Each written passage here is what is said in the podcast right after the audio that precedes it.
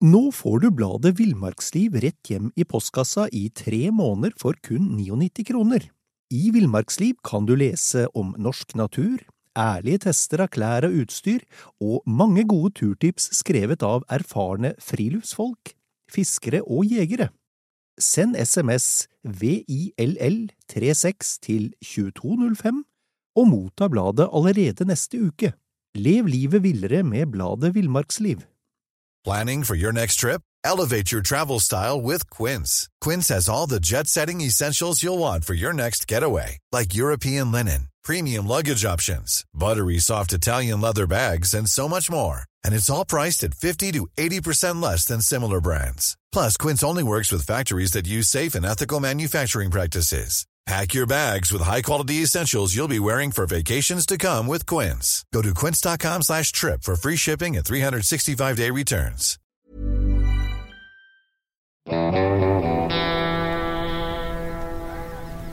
Velkommen til podkasten Villmarksliv. Mitt navn er Knut Brevik, og jeg er redaktør i bladene Villmarksliv, Jakt og Alt om fiske. I dag skal vi snakke om laks, laksefiske og følelsen når en i hvert fall ti kilo stor sjøørret hogger, drar ned elva og forsvinner med alt. Pål Mugås, du er kommunikasjonsansvarlig i Norske lakseelver, og du er lidenskapelig laksefisker. Men, men aller først, Pål, Norske lakseelver, hva er det? Norske lakseelver er eh, en interesseorganisasjon. Vi organiserer forvaltningslaga i 113 av de norske lakseelvene. Så det er frivillig å være medlem hos oss. Så ja, vi har 113 medlemmer, og det er vel i hvert fall i teorien så er det 450 lakseelver i Norge. Og så er det 180 av dem som er stengt for tida. Så vi kan få noen flere medlemmer, men vi har liksom alle de store, viktige elvene er medlem hos oss. Ja. Ok. Um, laksen. hvordan, står til, hvordan står det til med, med laksen i dag i Norge kontra la oss si 20-30 år siden? Ja, det står jo ikke så bra til. Uh, laksen kom jo inn på rødlista i uh, november i, uh, i fjor. den har jo da fått status som nær trua, og det betyr jo at den er nær trua, da. At det står dårlig til. og det er jo primært kan du si For 30 år siden så var det kanskje dobbelt så mye laks som kom tilbake fra havet som det er i dag. Forskerne sier ca. en million laks tilbake fra havet på 80-tallet, mm. og nå er det ned igjen 400 000-500 000 som kommer tilbake hvert år, da. Eh, og i fjor så var det jo den dårligste sesongen noensinne registrert. Mm. Både i elvene og i eh, sjøen. Det som er igjen av sjølaksefiske. Og det, det, er helt sikkert en, eh, sammensatte årsaker her, men, men hva, er, hva, er, de store problemene? Ja, Som du sier, så er det jo veldig sammensatt. Eh, det vi vet, er at vi har jo et vitenskapelig råd for lakseforvaltning, som er sammensatt av de fremste forskerne vi har. Og Norge har jo veldig dyktige forskere både på oppdrettslaks og på, på villaks, så vi vet veldig mye om laksens liv og levnet, som det heter. Mm. Og vi får mer og mer kunnskap hvert år. Så det forskerne sier er det store problemene, er De kommer fra oppdrettsindustrien. Det er lakselusa dreper veldig mye av den utvandrende villaksen. Altså smolten som kommer ut av elvene på vårparten og skal ut i havet. Ja, hva som skjer da, altså når, når smolten skal gjennom belter med, med laks? Altså, hvordan, hvordan dreper lakselusa Lakselusa er jo en parasitt. Eh, den har alltid vært der. Eh, men pga. det store volumet av oppdrettslaks, så er det jo sinnssvake mengder med egg som eh, på en måte klekkes hele tida og spres med vannmassene. Så sjansen for at en liten laksesmolt skal få på seg noen lus, er, er ganske stor, da. Mm. Og det skal ikke så veldig mange lus til på en liten laks. Så blir den tygger i seg hud og slimlaget, ødelegger. Eh, så er det sånn, Du har den direkte dødeligheten. altså Den kan jo dø direkte pga. Pga. lusas eh, angrep. Men den kan også dø senere fordi den ble svekka av eh, lusa. da. Og Havforskningsinstituttet har jo akkurat nå publisert noe forskning som viser at Eh, lakselusa gjør at uh, laksen tar til seg omtrent 30% eller får min, 30% mindre effekt av næring. da. Den bruker mye mer energi på pga. lusa. og Det er jo ikke bra når du skal ut i havet for å gjøre deg stor og feit og bli en 20 kilos laks som kommer tilbake igjen til elvene våre. Nettopp, nettopp. Um, så, så, altså lakselusa er, er, som skyldes oppdrettsnæringen et, et, et problem andre problemer? Ja, du har jo det andre problemet fra oppdrettsnæringa, er jo rømt oppdrettslaks, som da stikker av. Så kommer de opp i elvene, og så gyter de med sammen med villaksen. Og da får du jo genetisk endring i de ville laksestammene. For det er jo sånn at laksen er jo tilpassa gjennom tusener av år til hver enkelt elv. Det er jo veldig stor forskjell på Tana vassdrag, Alta Altså disse store elvene og små, kanskje små vestlandselver. Så laksen er veldig forskjellig fra elv til elv. Og Vil det si at den har utviklet seg i takt med på en måte det, elvas særegenheter? Ja, du, du, kan si det sånn. Det er jo naturlig evolusjon i, i naturen. Og så kommer vi, og så slipper vi løs en hel haug med sånne A4-laks, som vi kaller dem som er eh, utvikla og, og, og, på en måte genetisk avla på for å få et best mulig husdyr. Så Det blir som å slippe en ku ut i bøffelflokk. De er ikke helt kompatible, men de kan jo pare seg, og så blir avkommet blir, uh, ikke så tilpasningsdyktig til naturen. Så det, det er også en, en, negativ spiral for, for laksen. da.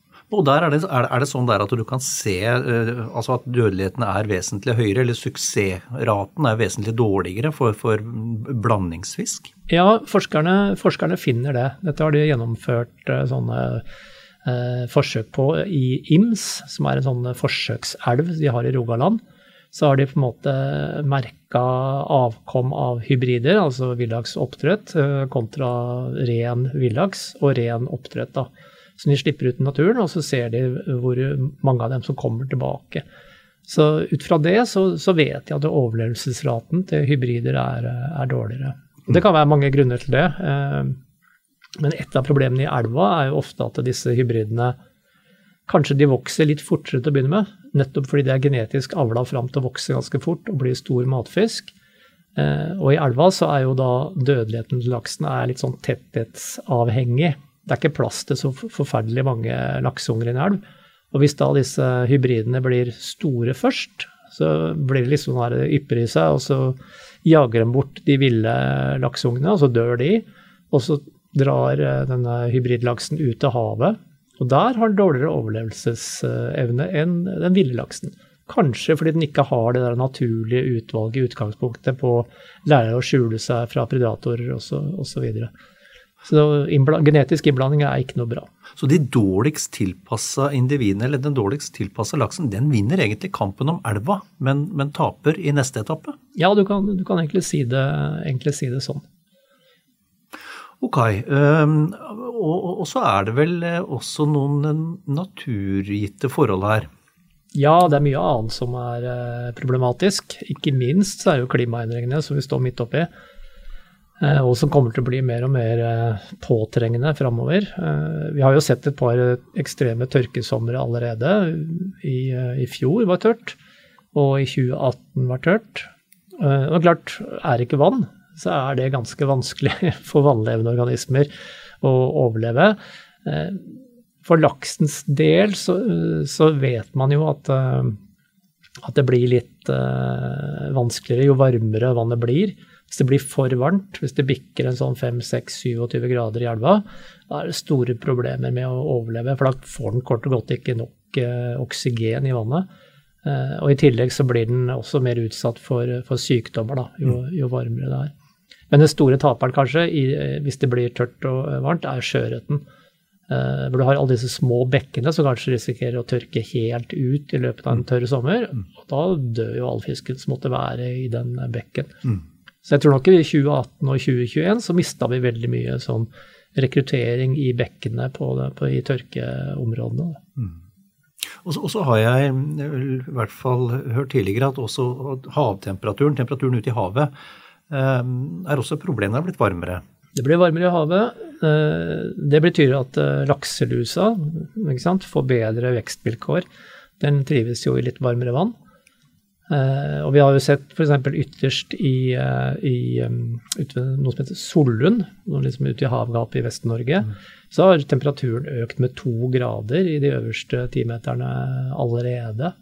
Det, det, er ganske mye. Og det er flere målinger uh, i Nordland også som viser en sånn økning i, i havtemperaturen. Mm. Og lenger ut på havet, da. Det var ganske interessant forskning som kom nå fra forskere fra Havforskningsinstituttet og NINA som, som viste at uh, plutselig hadde sett på mye var det, 50 000 skjell fra, fra smolt som var fanga i havet, altså tråla i, i, forbindelse med Havforskningsinstituttet sine uh, overvåkningsserier. Så så de på disse skjellene, og så fant de plutselig en sånn dropp i veksten. For det blir som årringer på trær. ikke sant? Du kan se hvor mye den vokser hvert år. Eh, og der så de at eh, oi, 2005, det var skikkelig dårlig. Og så begynte de å se på ok, hva vet vi om 2005? Og det de fant ut, var at eh, i 2005 så var det en veldig sviktende innstrømming av kaldt arktisk vann inn i Norskehavet. Og det er jo det kalde arktiske vannet som bringer med seg næring. Ekstremt næringsrikt vann, masse plankton, masse fiskelarver som flyter rundt der, som fisken eh, spiser. Når det ikke kom, så ble det mye mindre vekst på, på villaksen. Og sikkert på ganske mange andre fiskeslag også. Mm. Så det, sånn, det, henger trolig da, sammen med klimaendringene. Så vi mm. kanskje ser mer av det framover. Mm. mm. Men, men, du kan du ikke bare sånn, ganske for de av oss som, som ikke fulgte så godt med på, på, skolen, kan du ikke bare raskt ta oss gjennom laksens livsløp? Det Er ikke det noe alle vet? Nei, jeg kan godt uh, gjøre det. Uh, laksen den uh, gyter i elva. slik at de små lakseungene de blir lagt i, i, grusen i elva. Sånn, altså egga da, blir lagt sånn i oktober til desember, litt avhengig av hvor i landet vi er. og så er de ca. Ja, la oss si 100 døgn nedi grusen før de klekker opp. Da blir det sånne små plommesekkyngel som farer hit og dit, og det er veldig høy dødelighet i disse periodene. ikke sant? Det er mye av rogna som dør, og det er enda mer av den nyklekka yngelen som, som, dør. Eh, og det er jo naturens gang. ikke sant? Det er jo veldig overskudd i utgangspunktet, og så blir det mer begrensa etter hvert. Og så vokser yngelen opp til litt større, litt større lakseunger, som vi kaller par. Og da er det sånn i elvene at det er bare plass til et visst antall par i en elv. Fordi de er liksom sånn hevder reviret sitt, da. Mm. Mm. Så, så, går det noen år, litt avhengig av eh, elvas beskaffenhet, om den ligger sørpå eller nordpå i Norge, og kald den er, kan du si, hvor næringsfattig eller næringsrik den er, og sånn. Men fra to til fem år så blir denne paren blir til smolt jeg får en sånn utrolig sånn her lyst til å vandre til havs og bli enda større. Og dette er også genetisk? Dette er genetisk eh, betinga. Så da blir den litt sånn sølvblank, og så følger den bare strømmen ned eh, mot sjøen, og så stikker den til havs. Og så er, det, så er den ute i havet én til tre år, Eh, og kommer da tilbake i forskjellige størrelseskategorier, da. Eh, og så vi, kan vi ha pleid å si at liksom ettåring, hvis det har vært ett år i sjøen, så er det smålaks. to år i sjøen, så er det mellomlaks. Tre år så er det storlaks. Fra syv kilo og oppover. Og så går de tilbake, og så gyter de i elva, og så begynner det hele på nytt og, og nytt og nytt. Men Det er jo helt fantastisk, men bare, bare la meg uh, spørre. Altså, de, de, finner tilbake, i, i hvert fall villaksen, nøyaktig til samme sted de dro ut fra. Det gjør det. Hvordan i himmelens navn klarer de det? Det vet ikke jeg. det vet ikke forskerne helt sikkert heller. Nei. Eh, det er nok litt sånn eh, geomagnetisk navigering, antageligvis. Eh, og i tillegg så, så, observerer de jo på en måte Forskerne da, observerer at, at, fisken på vei inn og ut av fjordene driver med litt sånn, går litt sånn opp og ned i de øvre vannmassene. Så det kan godt være at den orienterer seg litt i forskjellige vannlag prøver å kjenne igjen jeg vet ikke, luktspor. Jeg vet ikke. Men det er helt utrolig. Det er som du sier, den stikker langt ut i havet. Det har vært mye, mye sånn merking av eh, vinterstøingen. da. Stor fisk som har overlevd i, i elva om vinteren, og som går ut om våren sammen med smolten. Og den har svømt rundt på de utroligste steder. altså Dykka ned til helt ned til 1000 meter. Uh, så på jakt etter mat, da, ikke sant. Og vært opp mot Svalbard og østover mot Novaya Semja, ikke sant. Og så Svimer rundt ute i havet ganske mye på jakt etter næring. Spiser seg stor og fin og feit. Og så tilbake igjen. Det er til riktig elv, da.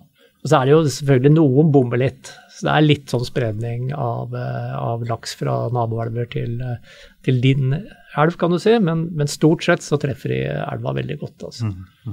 Og det er jo derfor vi har disse genetisk tilpassa stammene. da. Når det har vært sånn over tusenvis av år, så blir det en veldig god tilpasning til naturen i den elva. Mm, fantastisk. Men, men, men, jeg tenker um, dette skal vi, altså når de, når de, er kommet tilbake, så skal vi, vi skal fiske på dem. Um, hva slags um, altså Hvordan kan vi vite at vi høster av et overskudd når vi, når vi fisker ei elv? Ja, det er den vanskelige oppgaven. Uh, og Det er derfor vi i Norske Lakseelver mener at vi skal fiske i elv og ikke sjø. For ute i sjøen der beskatter du kanskje ganske bredt. ikke sant? Du setter ut en kilenot, og så får du laks. Men du vet ikke helt hvilken elv i fjordsystemet denne laksen skulle opp i. Eh, og kanskje skulle den opp i en elv hvor det ikke er så mange laks igjen, og hvor vi egentlig ikke kan fiske, og hvor fisket er stengt. Mens i naboelva så er det bra tilstand for laksen, og det er normalt et overskudd, og da kan vi fiske på det overskuddet. Eh, men det er det å vite nøyaktig hvor mye man kan fiske, det er, det er vanskelig. Eh, så derfor setter jo Miljødirektoratet, som bestemmer eh, dette her, de setter jo egentlig strengere og strengere regler, kvoter, for hver enkelt elv. Det kan være eh, sesongkvote, døgnkvote og, totalkvote da, for den enkelte sportsfisker. Slik at du kanskje kan ta ja, maks én laks om dagen, uh, og kanskje ingen over 65 cm. Og så i løpet av en sesong så kan du kanskje ta tre, fire, fem, ikke sant. Mm. Og dette har jo blitt innført uh, gradvis, først i de elvene som trengte det mest. Uh, og nå er det veldig få elver hvor det ikke er noen kvoter som er ganske strenge. da. Mm. og så er det lokale forvaltningslagene, det er jo stort sett grunneierne eller forpaktende jeger- og fiskeforeninger som, som forvalter elva. Og de må følge med på fangsttrykk, følge med på fiskeforholdene, se på laksebørs osv. Hvor mye fisk er fiska til nå? Ser dette normalt ut? eller ser det veldig dårlig ut. Og ser det veldig dårlig ut, så har vi det vi kaller midtsesongevaluering, da. Som er da ca. midt i sesongen. Og da vurderer man det sånn ja, ok, det ser veldig dårlig ut. Da er det føre var, da skrur vi til litt, og da blir det enda strengere konsekvenser fremover. Altså strengere kvoter. Akkurat. Og i verste tilfelle så kan de stenge elva hvis det ser veldig dårlig ut. Så det er et forsøk i hvert fall på å beregne uttaket etter det man forventer inn av laks fra, fra havet. Ja.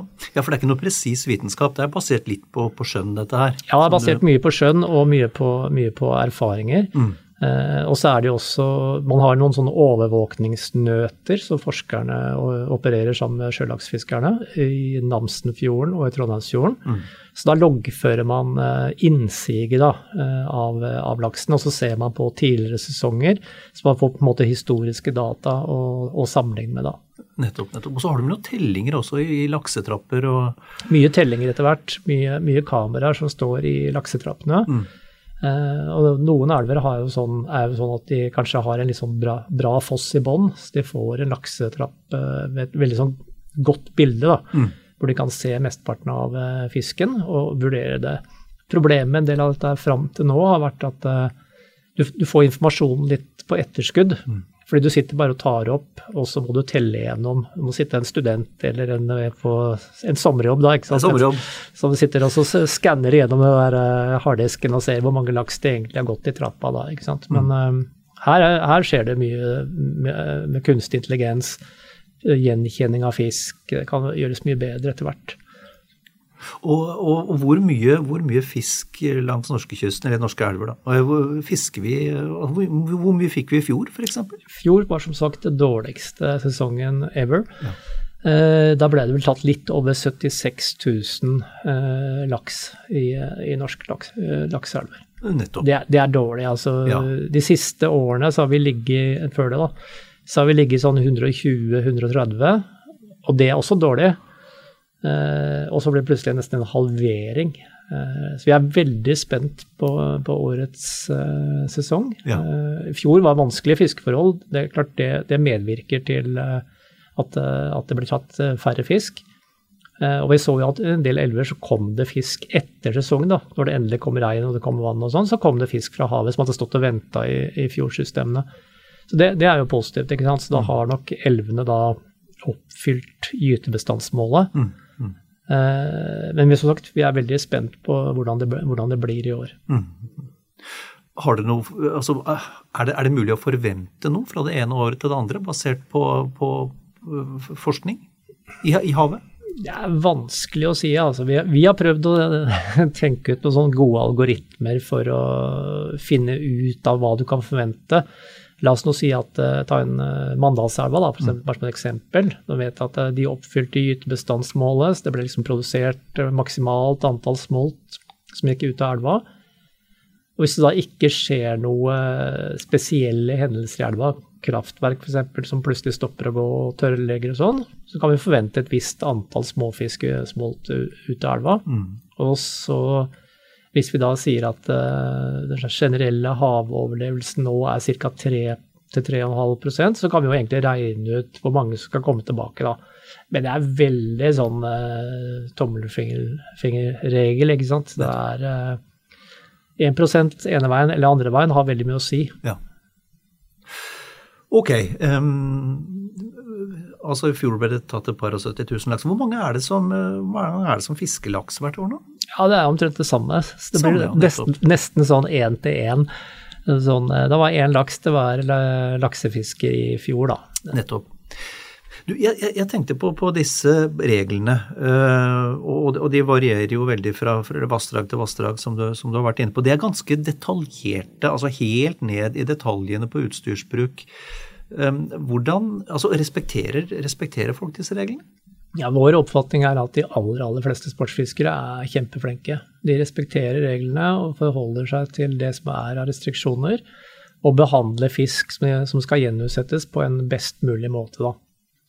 Så er det noe, noen som aldri forholder seg til regler. Sånn er det jo alltid, mm. samme hvor vi er i samfunnet. Men de, men de aller fleste er veldig flinke. Altså. Mm. Og så er det jo en sånn løpende debatt om hvor detaljerte reglene skal være. Kanskje reglene noen, stiller, noen steder favoriserer f.eks. fluefiskere på bekostning av sluk markfiskere. ikke sant? Så, det er en sånn tilbakevendende diskusjon? Det er tilbakevendende diskusjon, selvfølgelig. Eh, markfiske har jo tradisjonelt vært tunge søkker, eh, fortom stor kliss med mark. Mm. Eh, og kaste ut og stramme opp når eh, drifta er over, mm. og så har du kanskje på en laks. Eh, da sitter nok den laksen veldig dypt. Og Da er det vanskelig å gjenutsette den hvis det skulle være f.eks. En, en laks som var freda i elva. da, mm. F.eks. en stor hunnlaks. Mm. Eh, så Derfor har man jo mange steder gått over til å kreve mer sånn sirkelkrok og lettere fiske med mark. For da kroker den mer sannsynlig i munnviken og lettere å sette tilbake igjen da. Mm, mm. For det vi vet er jo at uh, det er lav dødelighet uh, i gjenutsetting hvis det, hvis det gjøres riktig. Mm. Ca. 7 uh,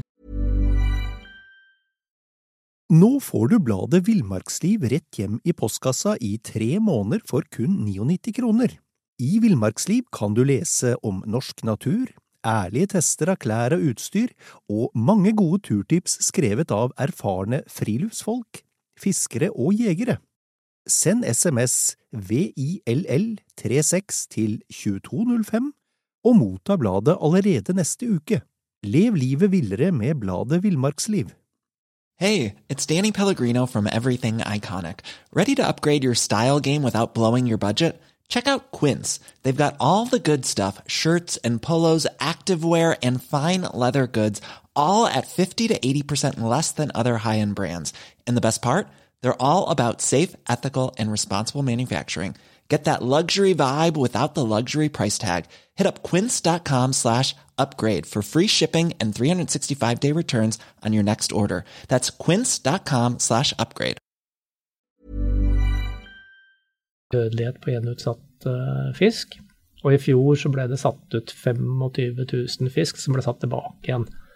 Så det er ikke så veldig mange som dør pga. gjenutsetting. Og de 25 000 fiskene som settes tilbake, er viktig for mange av elvene. da. Mm, mm, mm.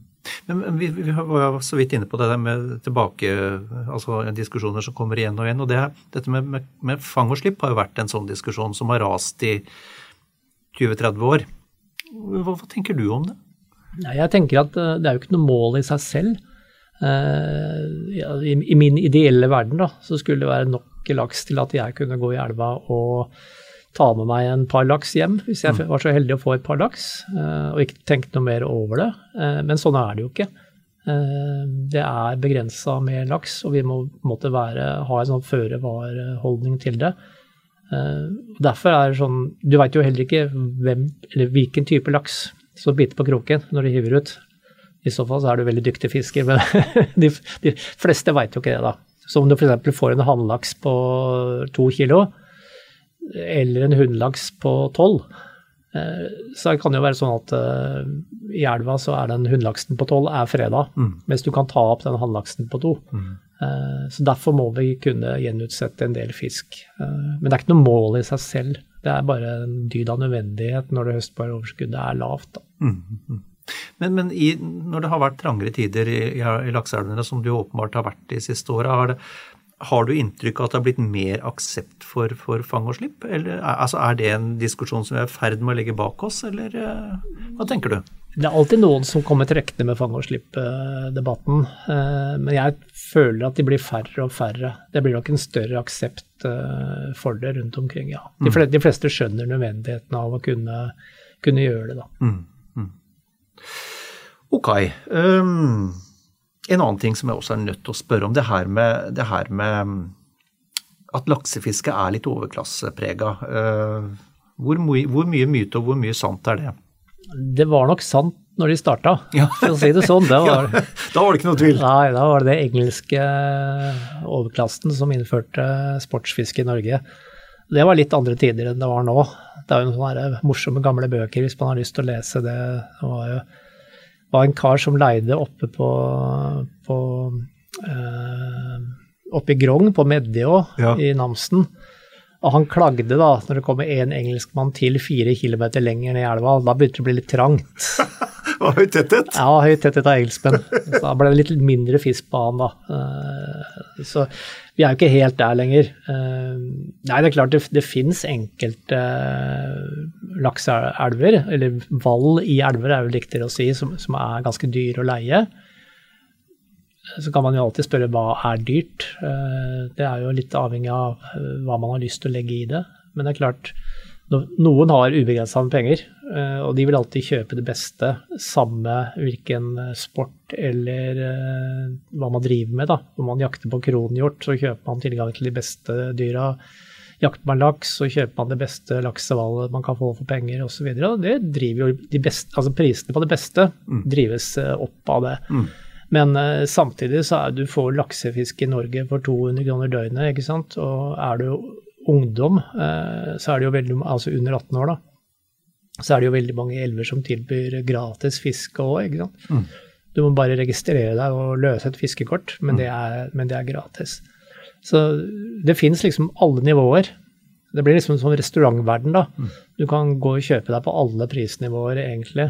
Det er veldig forskjellig å gå på Maemo og det å på en måte gå på Mamma Rosa. Mm. Mm. To forskjellige prisklasser, to forskjellige opplevelser, ikke sant. Mm. Men du blir jo like mett. Mm.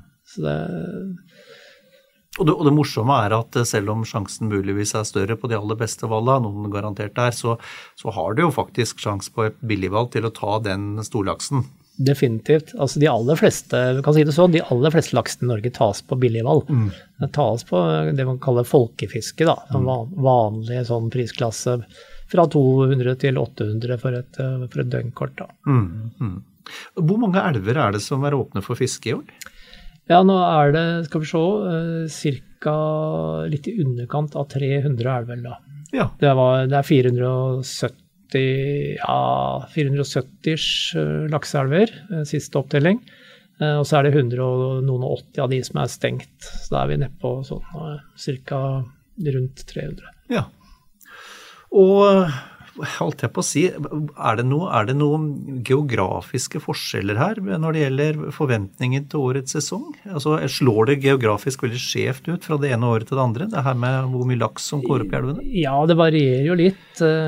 Det vi dessverre har sett da, de siste åra, har vært veldig sånn sviktende laksefiske i, eh, i Øst-Finnmark. Eh, det er litt sånn eh, skremmende, fordi Der er det ikke noe Det er lite oppdrettsindustri i Øst-Finnmark, så kan du liksom ikke skylde på de. Veldig mange av elvene er ikke regulert til vannkraft. Noen er det selvfølgelig, men ikke mange av dem. Men fortsatt så har de et litt sånn sviktende innsig, da. Og gjerne i kombinasjon med pukkellaks, så er vi veldig spent på utviklinga der, da. Men trenden har ikke vært spesielt eh, bra. Og så har du sånn som på, på Sørlandet, eh, hvor laksen egentlig var borte på 70-80-tallet. Mm. Og så har vi kalka den tilbake, alle disse sure elvene som ble ødelagt av sur nedbør fra kontinentet. Mm. Laksen er tilbake, ørreten er tilbake. og De går opp og står nå for ca. 20% av samla laksefangsten i Norge. Eh, og dette er spennende elver, som det fortsatt eh, kanskje er eh, ikke så mange fiskere utenfra som har oppdaga, da. Sånn som Audna og Otra osv. Mandalselva, der er tyskerne og danskene flinke. Den har de sett. Det er kort vei over med båt, ikke sant. Og så opp på campingen, og så ligger de der i noen uker og fisker og koser seg. Så, så den, den, går bra. Um, Sørlandet er litt sånn, sånn godt under radaren? Ja, det går litt under, går litt under radaren. Har gjort, har gjort, det fortsatt. Men, eh, men, der er det definitivt uh, fisk å få, da. Mm. Men, men, det som er interessant med Sørlandet, fordi i fjor så kom det jo restriksjoner på, på sjølaksfiske i ytre kyststrøk. Altså alt sjølaksfiske med, med, not ble stoppa i ytre kyststrøk langs hele kysten. Da. Uh, og da ble det mye rabalder i Agder. For der er det noen sjølaksfiskere som mener at dette var veldig, veldig urettferdig. Eh, de fleste av dem er hobbyfiskere. Eh, det viser forskninga. Det fins gode rapporter på akkurat det der. Det er koselig sommerhobby, helt sikkert, men det er, har lite næringsverdi, da. Eh, og de har tidligere tatt ganske mye fisk. De tok ikke noe fisk i fjor, for de fikk ikke lov til å fiske. Og allikevel så ble jo ikke innsiget til elvene noe særlig mer enn forventa. Så det skjer noe der også. ikke sant? Og det, det bare bekrefter den der at man må være føre var. da, mm. Være tidlig ute og komme med strenge restriksjoner på, på fiske. Mm. Så, og så har du oppe langs Rogaland, har en del fine, fine elver. Suldalslågen holder en jevn, uh, fin kurve. Bjerkreim er jo ganske godt kjent, ikke sant. Og så har du disse jærelvene. Figgjo kan by på fantastisk fiske hvis du er heldig med vannstanden. Men det kan også være en sånn liten sånn fislebekk, ikke sant? så du må mm. følge med at det, det må regne litt, og så, mm-hmm. da kommer laksen. vet du. Kan du stå helt nedpå på bare se utover havet og så fiske laks. Det er kjempe, kjempespennende. og så er det oppover i Hordaland dessverre mye stengt, eller nå heter det Vestland, da. Uh, mye stengt pga. for høy påvirkning fra oppdrett. Jo, Hardangerfjorden er jo noe av det mest oppdrettsintensive vi har. ikke sant? Mm, mm. Så oppover i Sognefjorden står dessverre ikke så bra til med Sognefjordelvene. Du har de klassiske elvene Auland, Flom, eh, Lærdal. Auland og Flom er stengt for uh, Flom er stengt for all fiske. Auland blir lov til å fiske sjøørret. Lærdal blir det også bare lov til å fiske eh, sjøørret. For det er for, det er for lite laks til å kunne beskatte, egentlig. Mm. Og det er ikke så rart, hvis du ser på, ser på lusetrykket i ytre del av Sognefjorden. da. Så Havforskningsinstituttet de, de, beregner jo hvert år så beregner de hvor mye fisk fra hver enkelt elv dør. Og Lærdal har vært oppe i sånn 50-60% av smolten dør på vei gjennom lusbeltet. Da sier det seg selv at det blir jo ikke så mye høstbart overskudd som kommer tilbake. Så det, det, er veldig Vi er nødt til å gjøre noe med det. Mm. Vi er nødt til å få til en endring i produksjonsmetodene for oppdrettslaks i, i Norge. Mm. Mm. Trøndelagselven, hvordan har det ja, De har holdt seg ganske, ganske greit. Eh, Orkla Gaula sleit en periode. Men der har forvaltninga tatt veldig gode grep og på en måte innført kvoter da, og stoppa beskatninga. Det var nok litt høy beskatning i, i disse elvene. Mm. Eh, så det begynner å komme veldig under kontroll. og det er Oppnå gytebestandsmålet i disse elvene. Mm. Eh, Stjørdalselva fiska bra hele perioden, og Nidelva også holdt seg greit tvers gjennom Trondheim by. Det går greit. Og så Verdalselva, en liten sånn uh, skjult perle, for den lå veldig med knokketrygg en periode. Mm. Det tok forvaltninga der også skikkelig grep. Kvoter, begrensa antall laks ble tatt ut hvert uh, år. Miljødirektoratet ga, ga 300 laks, og så økte det litt for hvert år. Mm. Uh, og nå er det en sånn elv som er på vei opp igjen, mm. og er veldig spennende. Men da så har fiskerne flytta andre steder, ikke sant. Da blir det mest de lokale som fisker. Så eh, mitt tips i Trøndelag nå ville vært forsøk Verdalselva. Det kunne vært ja. spennende. Morsomt. Andre tips, altså Du sitter jo, du er jo du, holdt jeg på å si, du er jo verdt å lytte til her når det gjelder tips på, på laksefiske. Nå har vi jo vært innom deler av landet. Er det andre hotte tips du har når det gjelder elver? Så, altså, Da forventer jeg ikke at du forteller meg de elvene hvor du selv har tenkt å fiske. Nei, jeg må jo holde de beste for meg sjøl, ikke så deler. Nei da, må, må jo dele. Det er jo en morsom hobby, og det er god plass til fisker i, fisker i elva. Eh, Vefsna i Nordland. Mm. Ja, Namsen ikke minst, på vei hvis vi bare jobber oss oppover. da. Namsen er jo fortsatt en fantastisk elv. Mm. De, ble, de innførte kvoter for første gang noensinne i fjor. Da var det en sånn årskvote på tolv. Eh, så ble skrudd ned til åtte ved den midtsesongevalueringa som jeg fortalte om. Eh, og det var nok eh, nødvendig. Bra føre-var-tiltak. Eh, men for- fisker fortsatt veldig bra. da, Mye stor laks i Namsen. ikke sant? Som er mange som virkelig sitter og venter og polerer wobblerne der nå. Klare over midnatt. Fantastisk område. Ja, ja. Så Bjøra sideelv der, det har jo starta allerede. Starta den 15. Eh, spennende elv, men litt vanskelig å fiske. Krever litt sånn skills, kan du si, å fiske Bjøra. Veldig stilleflytende ofte, hvis det blir lite vann. Og Vi var jo inne på innledningsvis, vi var jo litt inne på dette med genetiske forskjeller. Og bjørelaksen er vel en av de eksemplene. Det er litt sånn kort og, kort og, kort og tjukk, holdt jeg på å si. Kort og tjukk, ja. Det er- jo sånn vi, helst ikke skal være, men laksens del så er det jo, er det jo fint, da. Nei, den er riktig. Den, den ser litt annerledes ut enn den eh, laksen som går i hovedvassdraget i Namsen. Da. Og så har du på oversida av Bjøra igjen, så kommer jo Søråa, som også har liksom litt av den samme stammen, da. Så nei, det er flotte, flotte elver i, i Trøndelag. Så som jeg nevnte, Vefsna da, oppe i Nordland var jo gyrosmitta og ble friskmeldt for noen år siden, og har liksom tatt seg veldig opp. Spennende.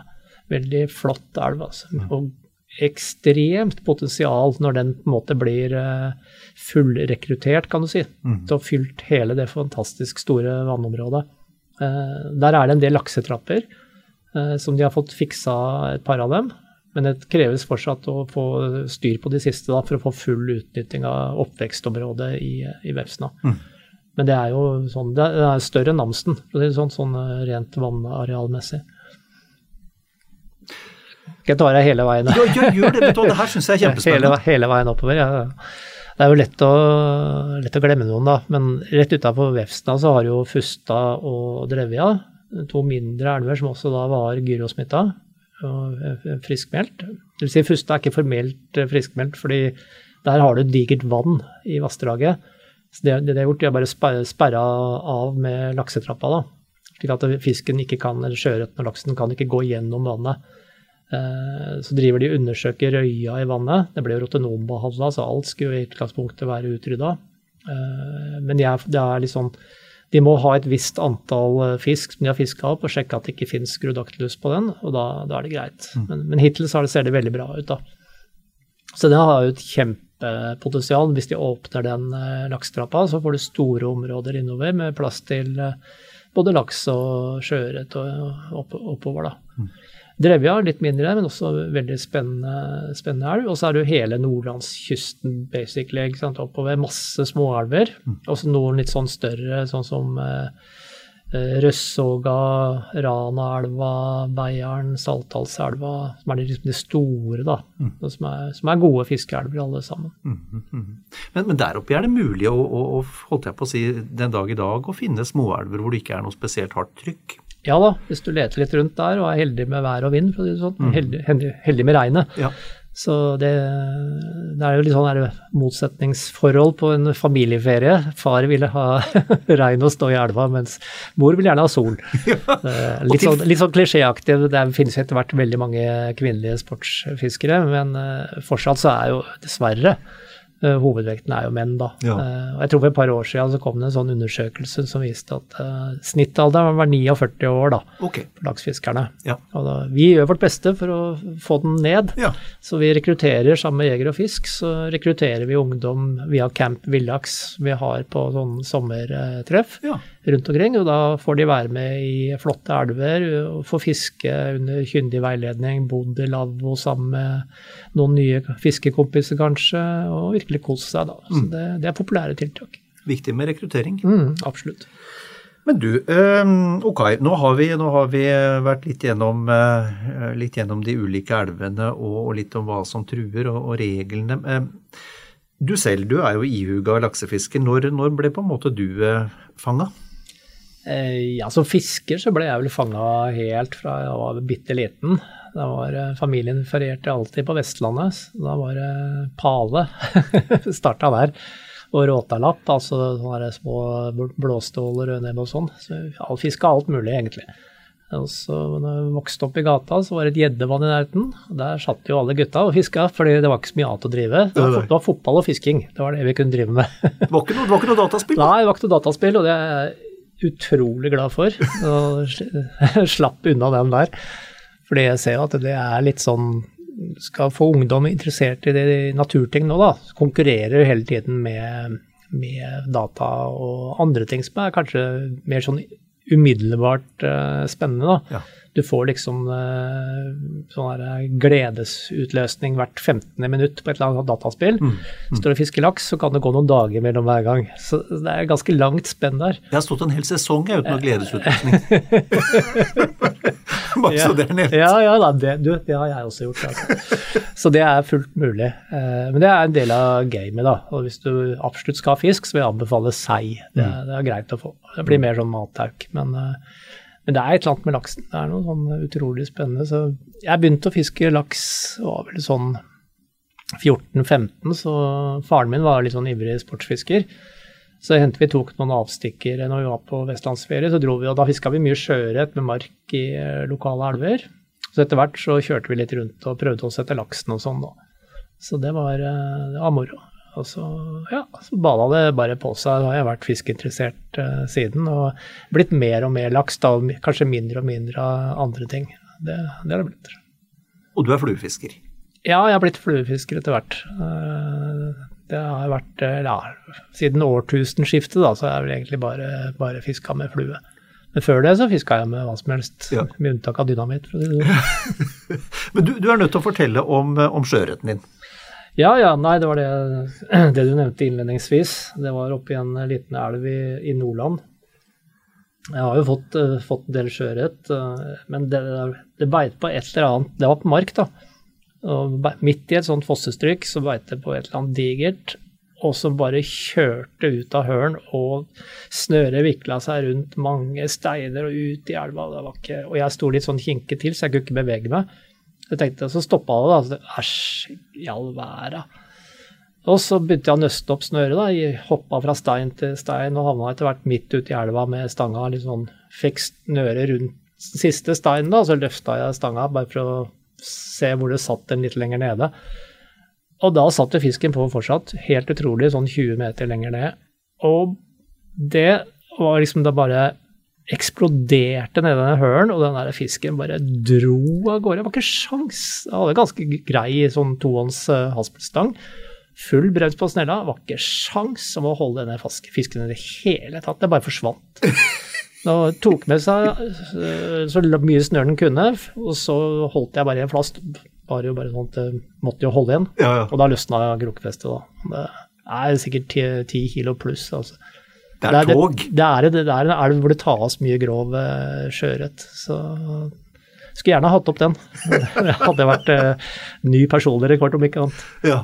Men, men du, har, um, du har fått uh, fin laks òg, du? Ja da, jeg har fått, uh, fått ganske mange sånn rundt 10-11 kilo. Ja. Og så den største på 13. Så det jo, kan jo mange laksefiskere kan jo bare fnyse av en på 13, for det er jo mange som eh, har fått fisk over 20 kilo, og det, det er jo egentlig målet, da. Jeg fnuser ikke av 13.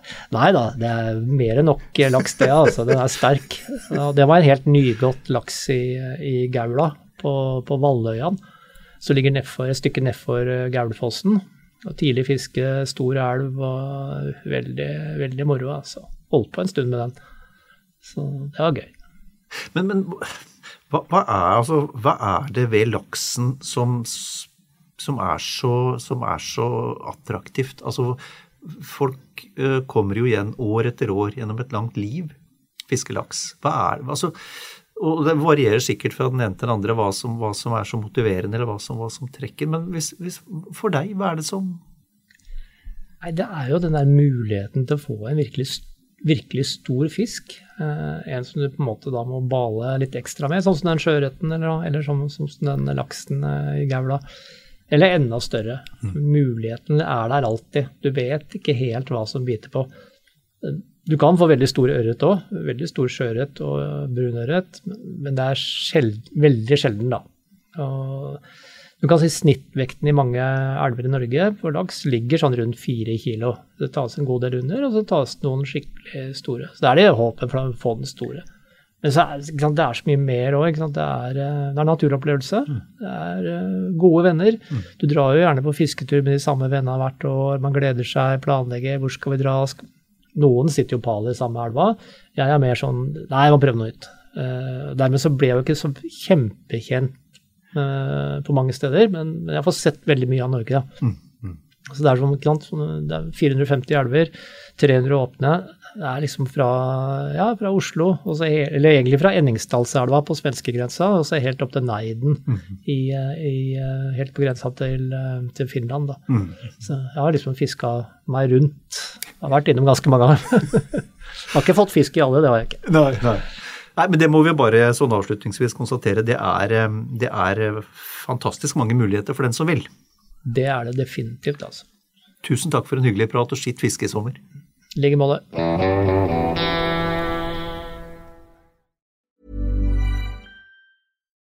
Nå får du bladet Villmarksliv rett hjem i postkassa i tre måneder for kun 99 kroner. I Villmarksliv kan du lese om norsk natur, ærlige tester av klær og utstyr, og mange gode turtips skrevet av erfarne friluftsfolk, fiskere og jegere. Send SMS VILL36 til 2205 og motta bladet allerede neste uke. Lev livet villere med bladet Villmarksliv. Hey, it's Paige DeSorbo from Giggly Squad. High quality fashion without the price tag. Say hello to Quince. I'm snagging high-end essentials like cozy cashmere sweaters, sleek leather jackets, fine jewelry, and so much more. With Quince being 50 to 80% less than similar brands. And they partner with factories that prioritize safe ethical and responsible manufacturing. I love that. Luxury quality within reach. Go to quince.com slash style to get free shipping and 365 day returns on your next order. quince.com slash style hey it's paige desorbo from giggly squad high quality fashion without the price tag say hello to quince I'm snagging high end essentials like cozy cashmere sweaters, sleek leather jackets, fine jewelry, and so much more. With Quince being 50 to 80% less than similar brands. And they partner with factories that prioritize safe, ethical, and responsible manufacturing. I love that. Luxury quality within reach. Go to quince.com slash style to get free shipping and 365 day returns on your next order. Quince.com slash style.